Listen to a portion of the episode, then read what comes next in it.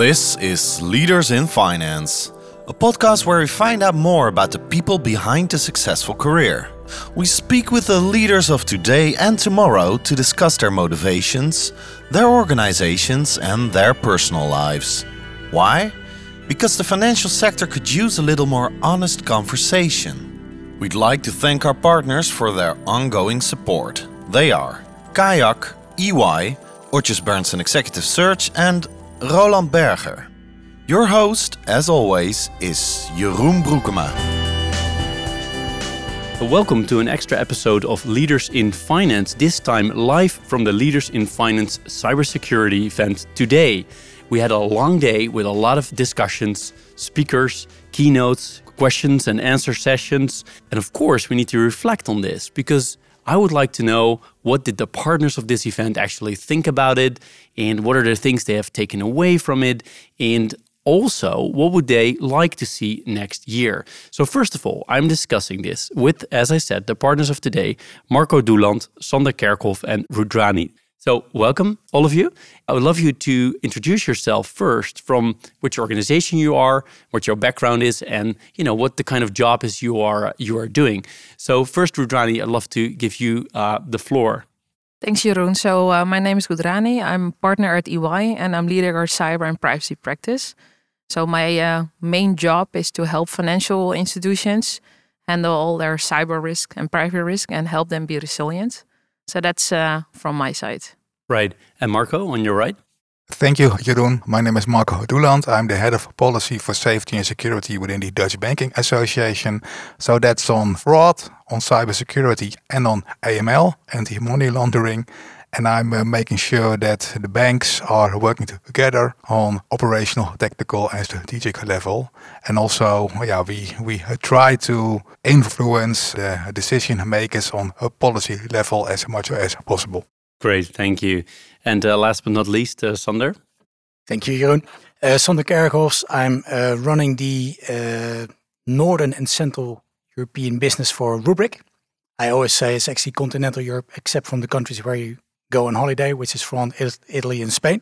Last 15 years of my 25 year career, I've been spending in IT the last 15 years mainly in cybersecurity and in Rubrik, so responsible for the business. We are one of the technology providers and fast growing vendors on cyber recovery. Uh, lots of uh, customers there. Next to that, really a cybersecurity yeah, passionate. So next to my work, I also work for different associations. For instance, I give readings to help parents understand what cybercrime means for young kids nowadays. If they raise their kids, that they can start having those kind of conversations with their parents as well. Great. Well, that's a great, great introduction of uh, of all of you, and obviously we're not gonna, you know, run through all the things we've heard today with all the different sessions. But if you could take one or two things uh, from today, what would you say is, you know, a topic that came back over and over again? What would you, what would you pick? Well, I think um, there's a lot of regulation coming on towards us. We talked a lot about the DORA, which is the Digital Operational Resilience Act, and also what it really means to the financial institutions. Um, there's also the NIS 2. So these are really topics um, which are addressing a lot of cybersecurity issues for the uh, for the companies um, on tactical level, but also on strategic level, because they also state the responsibilities of the board, and I think that's really a game changer in how um, the board and the companies will act upon um, this topic. Yeah. Yeah, that's that's all the things you mentioned is exactly what I was thinking about as well. And so, Rudrani, I don't know if there's something to add to that or topics that came back for you during all the different sessions. I think overall, if it's if it's about regulations or security in general, I think one of the things that we'll discuss today is also ownership. So ensuring that the right ownership is assigned, but also that the your employees, the, the teams, that they understand their responsibility. Uh, it has been said by some of the CISOs is that let's not go into blaming and shaming, but also I think applaud people that if something goes wrong, that they report it because you need to have people reporting this, so learn from it uh, and take the stress a bit out of it. So I think especially on the people side, uh, some good insights there. Right, right. And Sander, it's getting harder for you being the third in the in the row here, but Yeah, I can only resonate what uh, has been said before. Uh, indeed, lots of focus on the regulations. I personally was happy uh, to see that there was also more and more focus on the operations itself. Uh, the reality check of NL in the beginning, I really liked it. So, how is the board involved in cybersecurity when we talk about funds, when we talk about budgets, if we talk about the way people are, are operationalizing the cybersecurity strategies. I really liked also the fact that often it was said like, yeah, sometimes we need to go back to the basics. We need to make sure that the basics are in place. And I think those were the, the main themes today. So yes, definitely lots of focus on the regulations, but also on, uh, yeah, the, the real operational, the DevSecOps part of the uh, security world. Right, thanks. And one thing that also came back a couple of times, I think, is the shortage of people, like just the people that work in the field. Is that something that you also see in your daily uh, work, that it's hard for the, the companies you work for or in your own company or your own business um, to find the right people and get them, you know, up to get them up to speed and actually keep them up to speed? Yeah, well, you see that a lot. Um, of an international patch. So I'm not talking about my company, but mainly the customers and the other organizations I'm talking to. It's an it's a global issue that's getting bigger and bigger.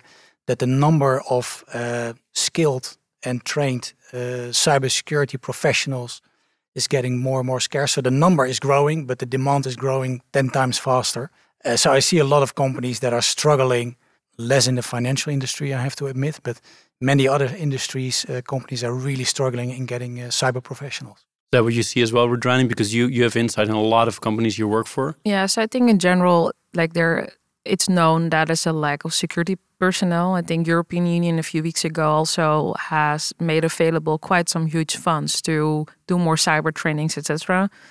But we also need to, I think, accept the fact that there is a shortage on security professionals but also then change again going back to my earlier point on ownership and having your employees be having a bigger part of it. Because putting more police in the street is not always helping the solution.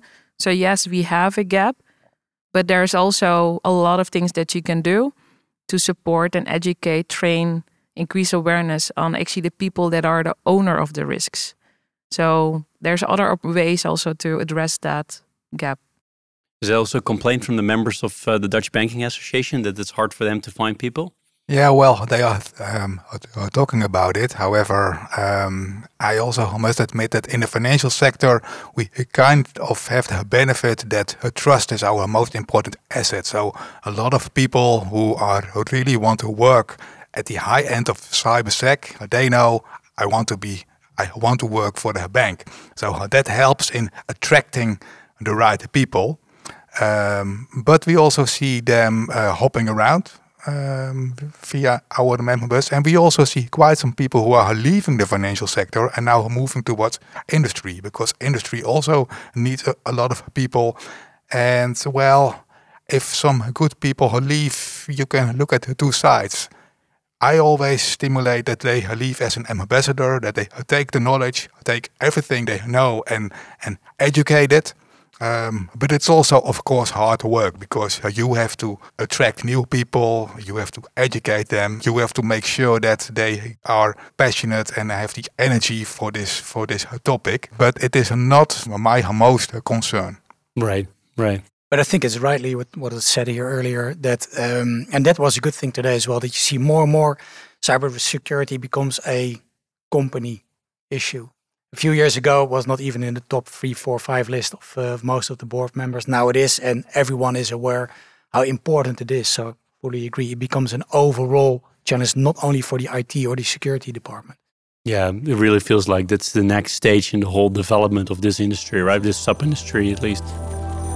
This is Leaders in Finance with Jeroen Broekema. Switching gears to, you know, maybe a statement or a thought or a number that stuck with you today. So maybe Rudrani, I can ask you first. Uh, is there something that you you think you know you will remember over the next weeks or months or even longer that you learned or heard today? To be honest, I found it difficult because we had, uh, I think, a lot of uh, different um, insights. Uh, I really liked in the morning where we have uh, Luca giving a bit of uh, maybe some nice numbers as well around increasing the awareness and the market here. Uh, what I enjoyed as well is the, the, the keynote where we talked about uh, AI, machine learning, and the different perspectives. So I won't say one statement because that would maybe minimize uh, the entire day. But uh, in essence, it's very important to look in the different developments, but really collaborate and uh, share information. Think for me, looking back uh, to the day, I just really like the fact that everybody is very open, uh, shared their insights, shared where they struggle with. And that, in essence, showcased that information sharing, collaboration, and working together is, is quite key and that really transcended in all the all the sessions on it. So one statement, I found it very difficult, but I think overall the, the feeling is, is is quite nice on how everybody really participated and engaged throughout the day. Uh, this is a great answer. I mean, uh, much more nuanced than what I thought I would get, but it's it's a great uh, great answer. And, and as you said, I mean, uh, a lot of people said we need to openly collaborate. We should not compete on a lot of things, and that's what a lot of people were quite open, right? I'm not going to name, but there was also a CISO saying, you know, I clicked on that mail, and there was actually, you know, a wrong email. So uh, those kind of things show that you know people were willing to be at least a bit vulnerable. Yeah, I think everybody doesn't matter how like educated you are, you can be a target, right? So there's always the you're still a human being. We are not machines. So that's I think yeah, good that you're vulnerable and you share. Yeah, exactly. Sander? What I saw in this event is that um, there were so many CISOs all together sharing information, knowledge, experience with each other. There are not that many events where you really see that happening. So people are, especially in security, people are sometimes scared to share too much information with each other because what you say can also be used against you and not maybe by your competitors, but other people who can do something with that information as well. So, yeah, I think that was definitely one of the takeaways of today as well uh, the openness and sharing stuff with each other. And indeed, an interesting fact is so, uh, yes, lovely that that uh, specific person shared, like, hey, I clicked on that link as well. And there's been several investigations with people who clicking those links where number one reason is they asked like did you know? They said yes i did know but i was curious what is going to happen and that still happens. And that still happens a lot. So that's why i think that kind of sharing with each other is all going to help us to get to the next level. Marco? And also the psychological thing about that, because as a human being, we, we are curious and we are lazy. So clicking on a link is a form of a normal thing to do for us. To be that open, yeah, that's also what I like. A topic I would like to bring up is a panel on insurance. I was quite negative on insurance for ransomware. I said, well, that's only for the lazy companies who do not want to invest on cyber and they just, you know, get an insurance. And if a ransomware is happening to you, the insurance will uh, fix it for you. But to learn that if you even want to have the insurance, your cybersecurity standards must be quite high and addressing certain levels, which actually, hopefully, prevent the company from being the victim of a ransomware attack. That was quite an, an eye opener for me. And also the fact that the insurance company is helping you in negotiating with the criminals and helping you in uh, making sure that you have the best cybersecurity consultancy firm to help you with your uh, ransomware attack. I think that's really helpful. So yeah, that's kind of what I will remember and what also changed my mind about this. Great, well put. Great, great to hear. Yeah, may, yeah, maybe maybe good to add something there. So yes, we uh, also just launched a campaign uh, for our customers that they get a 10 million warranty uh, when they're using our technology on a ransomware attack. And the reason why we do that is indeed we're not giving money away. You know, the reason why you do it is to make sure that your customers implement it in the right way. They have the right checks. They and it's not only about the technologies, the whole organization. And then when that's checked, yes, and it still happens, then you have to pay for the insurance. But it's like every insurance policy. There are many things that you need to comply to and apply to before you get it. But it's good to see that people start to understand it's not just, hey, sit back lazy, when it happens, I get the money. That's not how it works. And you know, as we presented also uh, in ransomware, even if you pay the money for the ransom, yeah, finally less than 20% of all organizations who did that got their data back. So from that perspective, that the yeah, payment and the uh, insurance. One thing to add there is because I understand Marco uh, the views, especially from a financial institution point of view, because you have quite strict already rules around some kind of percentage of reserve you need to have on your balance sheet. So what we see is a lot of uh, bigger financials. They are like, hey, I do have already a buffer that I need to put in place from a financial resilience or any disruption. But what the discussion becomes is that you really do your own more scenario planning, understanding what is my own liabilities and that's my eigen risico I can take. And based upon that, determine do I want to put an insurance on or not. And most likely, those costs are not um, really like you can carry some of the cost, but really around some of the legal fines or when data is stolen, you need to do more with 24 7 additional monitoring to make sure that there are no misuse on data. And that can really be, especially if it's a large amount of data, can be very costly. So thinking about those scenarios and thinking like, do I want to utilize my reserve for this? Uh, do I what kind of priorities will I take from a business from a board point of view is quite important, and doing yeah, Yeah. to make that decision. And that's why for financial institutions, bigger ones, they often are doubting if they should take it or not. But then they Yeah, do sure. their eigen risico, their own Yeah. liability. Yeah, but um, to have this discussion on board level, if we want to have an insurance, we will have to meet certain security standard. I think that's a very good one, of Yeah, course. definitely. You're listening to Leaders in Finance with Jeroen Broekema. So these kind of events like today, you know, we we were diving a little bit into into the content, um, but it's also about people, right? You're meeting new people. Did you guys meet new people? I never met Marco before. Uh, we never uh, met before, so yes, Yes, you're you always do. meeting new people. This is already a uh, great example. People yeah. at the table of the podcast. But did it give you, you know, new network, new people you wanted to? Maybe you're going to meet up uh, outside this event, or Oh yeah, oh definitely. Yes, you see some people that you have seen very well. My background, especially from the NCSC, uh, but it's good to see that there's so many people. To well, actually, at the end of the event, there were still so many people there, and now probably having the drinks. So many people also because CISO is quite a new job, so there will be people that are not in this business for too long. And I think for those people, it's the best to be able to talk to the CISOs from other companies in the same business that you uh, you are. I'm sure if it's going to happen again next year, there will be lots of new people then again, and it's good that we uh, connect them with each other. Definitely. same for you, Rajani? Definitely. It although the cyber world can be uh, classified as a small world, but still you always like I know Marco for a few years, but there are a few people that you don't know. And then these kind of events are quite useful to expand your network on it.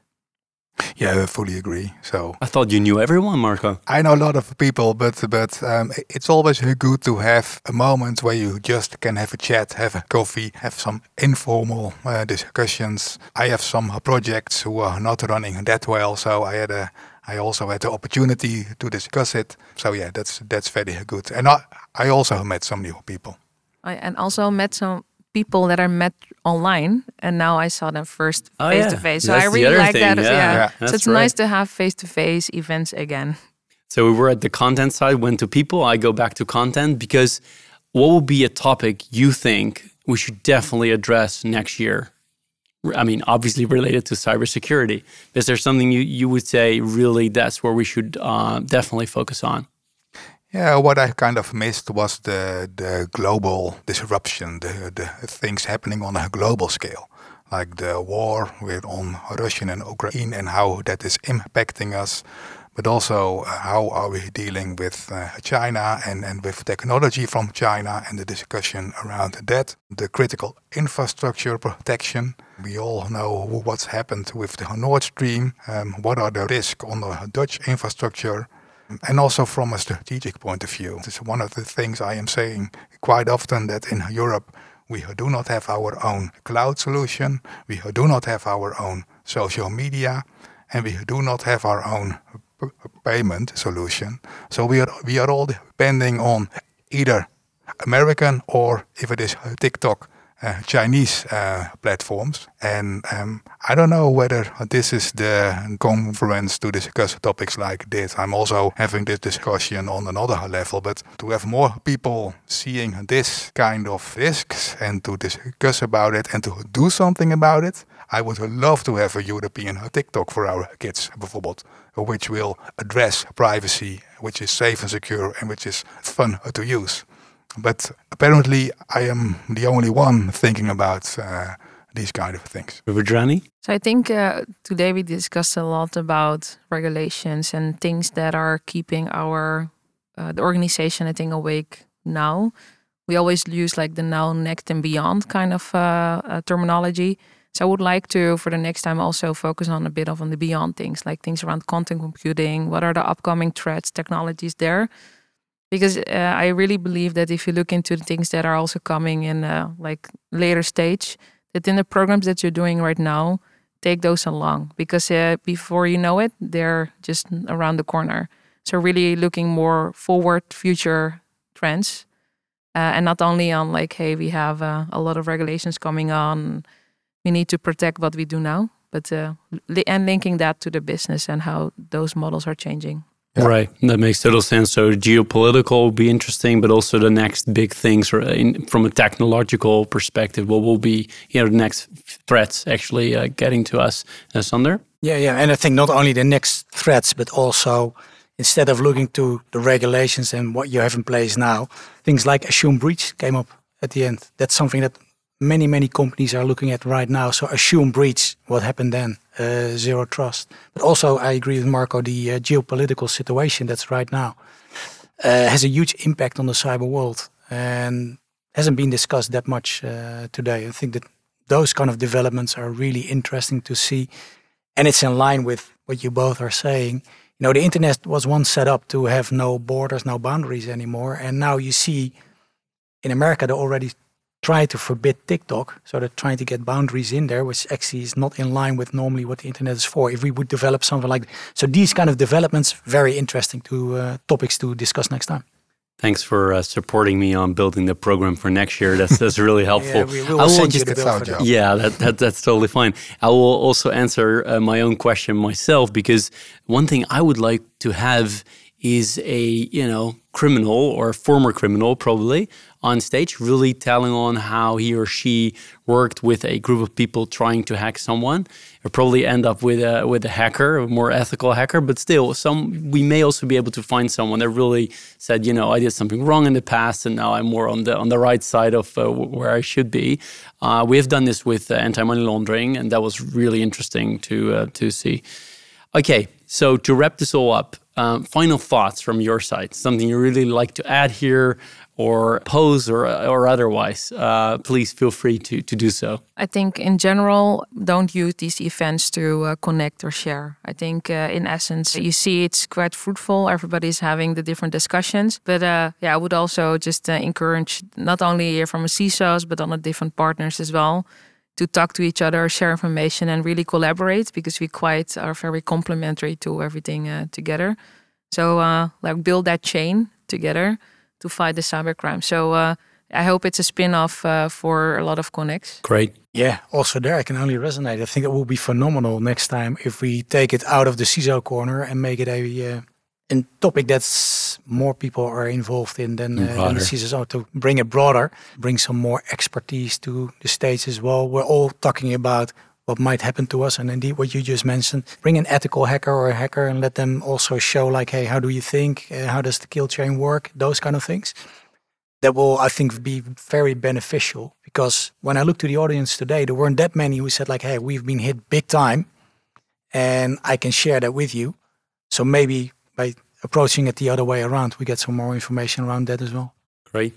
Marco, some final thoughts? Or No, well- no, excellent congress. Um, love to have more business people um, attending, um, and also uh, to have really the, the top uh, risk level involved. I think that would also really help in uh, bridging the gap between uh, cybersecurity people, IT risk people, and business people. And hopefully, uh, the leaders in finance can help us with that. Jeroen. Well, we'll try. We'll Put a try, challenge Marco. on you, Thank uh, you. Great challenge. Love challenges. so that's totally fine. Um, thank you all very much for your time today uh, by being here, by being our partner, uh, as well as joining this podcast. So uh, thank you so much. And uh, as I think earlier, Sander, you uh, alluded to it, but there are drinks going on right now, which we I think we should go to. So thank you so much. Uh, Thank you. thank you as well you Thanks. Yeah. You've been listening to Leaders in Finance. We hope you've enjoyed the episode and would love to hear from you. What's in your mind? Who would you like to hear next? Tell us in an Apple or Google review via email or our social media channels. We'd greatly appreciate it. Finally, we'd like to thank our partners for their ongoing support. They are Kayak, EY, Odgers Berndtson Executive Search, and Roland Berger. Thank you for listening.